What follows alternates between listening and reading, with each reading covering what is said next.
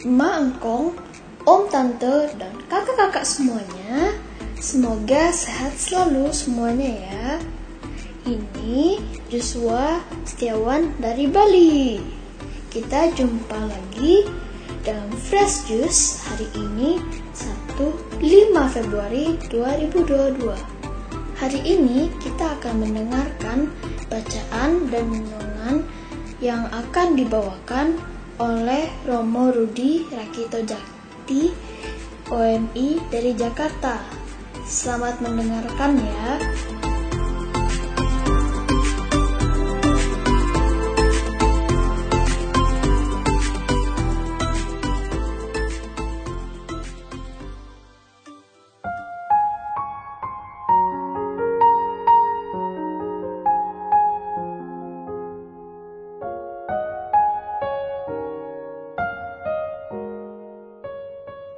Para sahabat Fresh Juice, sabda Tuhan yang kita renungkan hari ini dari Injil Markus bab 6 ayat 30 sampai 34. Pada waktu itu, Yesus mengutus murid-muridnya mewartakan Injil setelah menunaikan tugas itu, mereka kembali berkumpul dengan Yesus dan memberitahukan kepadanya semua yang mereka kerjakan dan ajarkan. Lalu Yesus berkata kepada mereka, "Marilah kita pergi ke tempat yang sunyi, supaya kita sendirian dan beristirahatlah sejenak." Memang begitu banyaknya orang yang datang dan pergi, sehingga makan pun mereka tidak sempat. Maka pergilah mereka mengasingkan diri dengan perahu ke tempat yang sunyi. Tetapi pada waktu mereka bertolak, banyak orang melihat, dan mereka mengetahui tujuannya. Dengan mengambil jalan darat, segeralah datang orang dari semua kota ke tempat itu, dan mereka malah mendahului Yesus.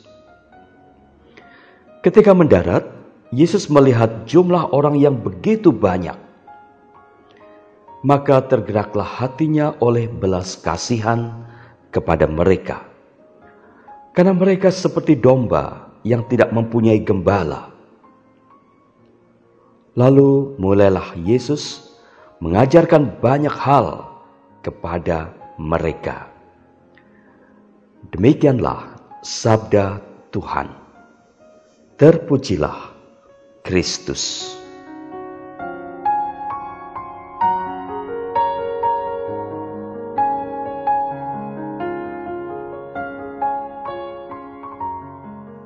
Para sahabat Fresh Juice, dalam Injil hari ini kita melihat sebuah kisah yang menarik.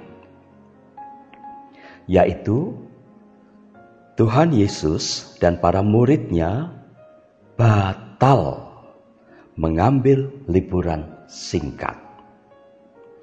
Mereka justru kemudian bekerja lagi untuk melayani orang-orang yang mengejar atau mencari mereka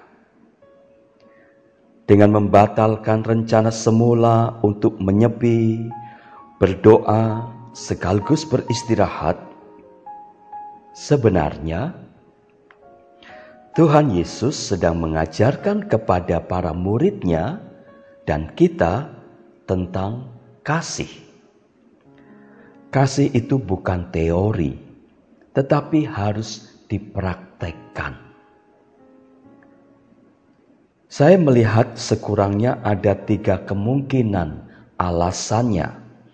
Mengapa kadang kita perlu menomorduakan kepentingan pribadi demi kebutuhan orang lain? Yang pertama, karena kita ingat apa itu kasih. Kasih itu ajaran dan teladan dari Tuhan Yesus sendiri kepada kita. Mengasihi itu lawan katanya egois. To love dalam bahasa Inggris Lawan katanya to be selfish. Bukan to hate, bukan membenci. To love itu artinya saya melakukan sesuatu yang berguna demi kepentingan pihak lain. To be selfish atau egois itu artinya saya melakukan sesuatu yang berguna demi kepentingan saya sendiri. Mengasihi sesama itu memang tidak selalu mudah. Maka kadang kita perlu sampai membatalkan, menunda acara pribadi, kepentingan pribadi, agar bisa mendahulukan kepentingan orang lain.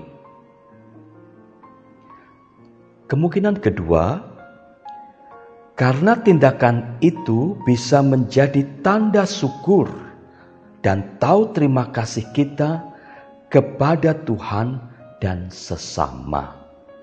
Bisa saja selama ini ada orang lain yang berbuat baik kepada kita. Sebetulnya juga telah melupakan egonya demi kita. Dan kita tidak tahu bahwa ada orang-orang yang melakukan suatu pengorbanan untuk kita. Saya yakin bahwa salah satu dari orang-orang macam itu adalah orang tua kita sendiri. Kemungkinan ketiga, karena tindakan ini adalah sebuah kesempatan untuk berbuat baik yang mungkin tidak datang dua kali. Maka ketika kesempatan itu mendatangi kita, jangan diabaikan. Dan bila kasih itu bisa dipraktekkan justru dalam situasi yang tidak mudah, itu memberikan nilai plus terhadap perbuatan baik kita.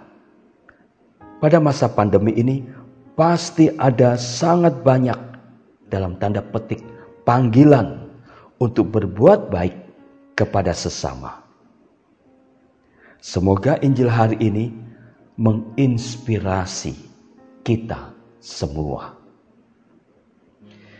Sebuah cerita sebagai pemanis renungan hari ini.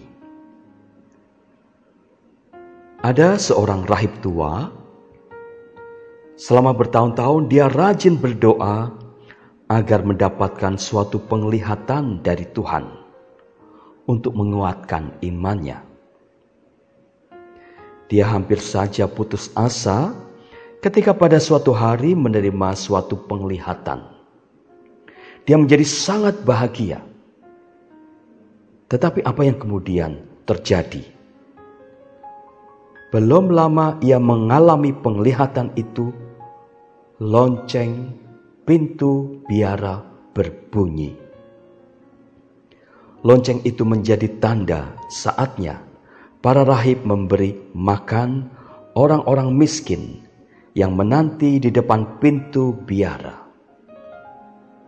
Hari itu adalah giliran rahib tersebut untuk membagikan makanan. Bila dia tidak keluar, orang-orang miskin itu akan pergi karena menyangka pada hari itu biara tidak mempunyai makanan yang cukup.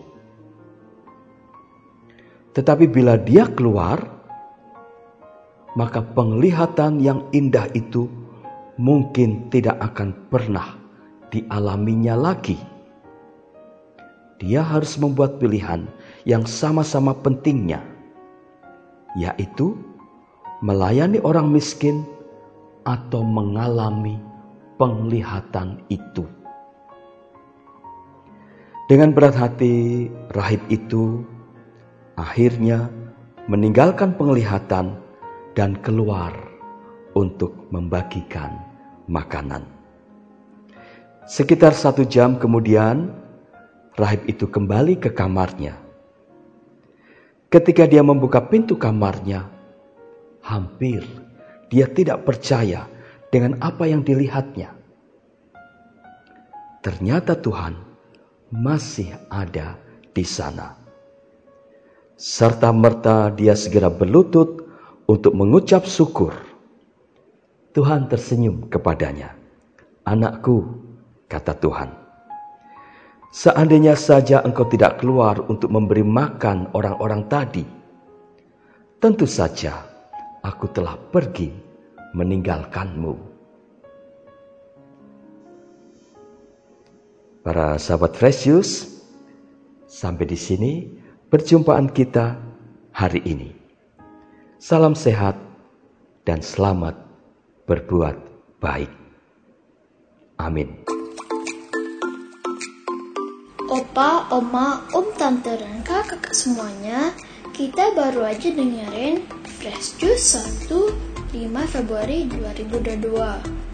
Makasih banget ya untuk Romo Rudi untuk renungan hari ini. Sampai jumpa lagi ya semuanya.